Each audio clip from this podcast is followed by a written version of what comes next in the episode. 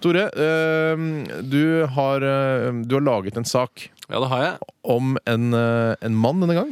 Ja, jeg har laget en sak om en mann, men det viktigste er ikke at han er en mann, men at han jobber som vinanmelder. Eh, Og jeg vet ikke om folk der ute har fått med seg debatten rundt vinanmeldere som har rast i det siste, om deres sykelønnsordning og rettigheter. Jeg har lest mest om den Terra-saken. har jeg lest. Ja, Det har gått veldig mye i den nå. Den har overskygget eh, det i det hele, og den har ikke vært så mye på Dagsrevyen. Det har vært mest i bransjetidsskrifter osv. Ja, ja. Men i hvert fall så er det harde tider i vinanmelderbransjen, og det brygger til streik hvis ikke noen får gjort noe med, med det nå. Det er en representant for eh, vinanmelder, eh, vinanmelderne. Ja, Det er en, eh, noe som har skjedd med opptil flere vinanmeldere, nemlig at de har fått problemer med smaksløkene sine. Uff da. Jøss. Eh, og det går jo fryktelig på bekostning av jobben sin. da. Ja, det må jo være det verste som kan skje. En Ja, vinanmelder. det er, det, Bortsett fra å bli skutt i fjeset med en hagle, så tror jeg det er det aller verste som kan skje.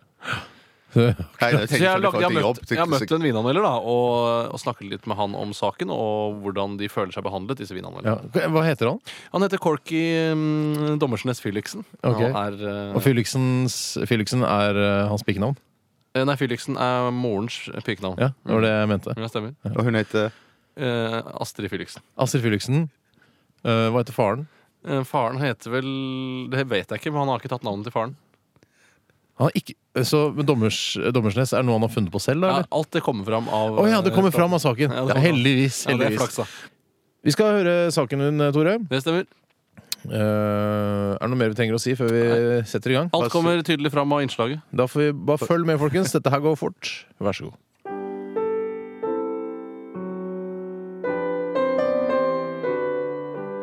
Hei sann, hallo, jeg heter Corky Dommersnes Felixen. Jeg er oppkalt etter den tilbakestående figuren fra fjernsynsserien Life Goes On. Statsadvokaten i Nokas-saken, Arild Dommersnes. Og så har jeg slengt på pikenavnet til mora mi, Felixen. Skjønner du? Corky Dommersnes Fylliksen er en anerkjent vinanmelder og har sin vinanmelderutdannelse fra Oslo kreative fagskole. I 1995 var han og tre kamerater på øyhopping i Hellas da Corky Dommersnes Felixen ved et uhell fikk en humle i munnen. Hendelsen fikk store konsekvenser for Felixen, som i etterkant av episoden har fått store problemer med smaksløkene og tungen. I den perioden så anmeldte jeg vin for Asker og Bærum Budstikke, og da jeg kom hjem, så skulle jeg annet anmelde en Chateau Neuf du Papé Ferraud Brunel fra 2005. Og Vinmonopolet beskrev denne vinen som kraftig i fargen, flott strukturert og frisk med konsentrerte toner av mørke bær og kryddertoner i smak og duft. Elegant finish. Mens jeg var av den oppfatning at den var Grønn hadde kraftig rundstykkesmak med undertoner av snørr, spylevæske, sårskorpe og luktet skog, fis og litt pikk. Og jeg ga han terningkast fem. Skjønner du? Corky Dommersnes Felixens smakløker hadde gått av hengslene, og Felixen smakte ikke lenger det andre smakte, men smakte noe helt annet igjen. Han mistet jobben i Asker og Bærum Budstikke og begynte å reise rundt i landet på jakt etter vinanmelderjobber i de forskjellige lokalavisene. Men han ble sjelden lenge på hvert sted. I Eidsvoll og Ullensaker Blad anmeldte jeg spanjolen Sierra Cantabria Crianza fra 2001, og jeg skrev at den smakte kråkesølv og bodsennep med undertoner av klokkesvette og hestehov, lukter flybensin, pipetobakk og gammelt kvinnekjønn, og ga den ternekast seks, da. Jeg likte jo vinen selv om jeg smakte det jeg smakte, skjønner du? Jeg var ærlig, skjønner du? Corky Dommersnes Felixen ble sparket fra lokalavis til lokalavis, men etter hvert reiste hans ry raskere enn han selv, og han fikk ikke lenger jobb.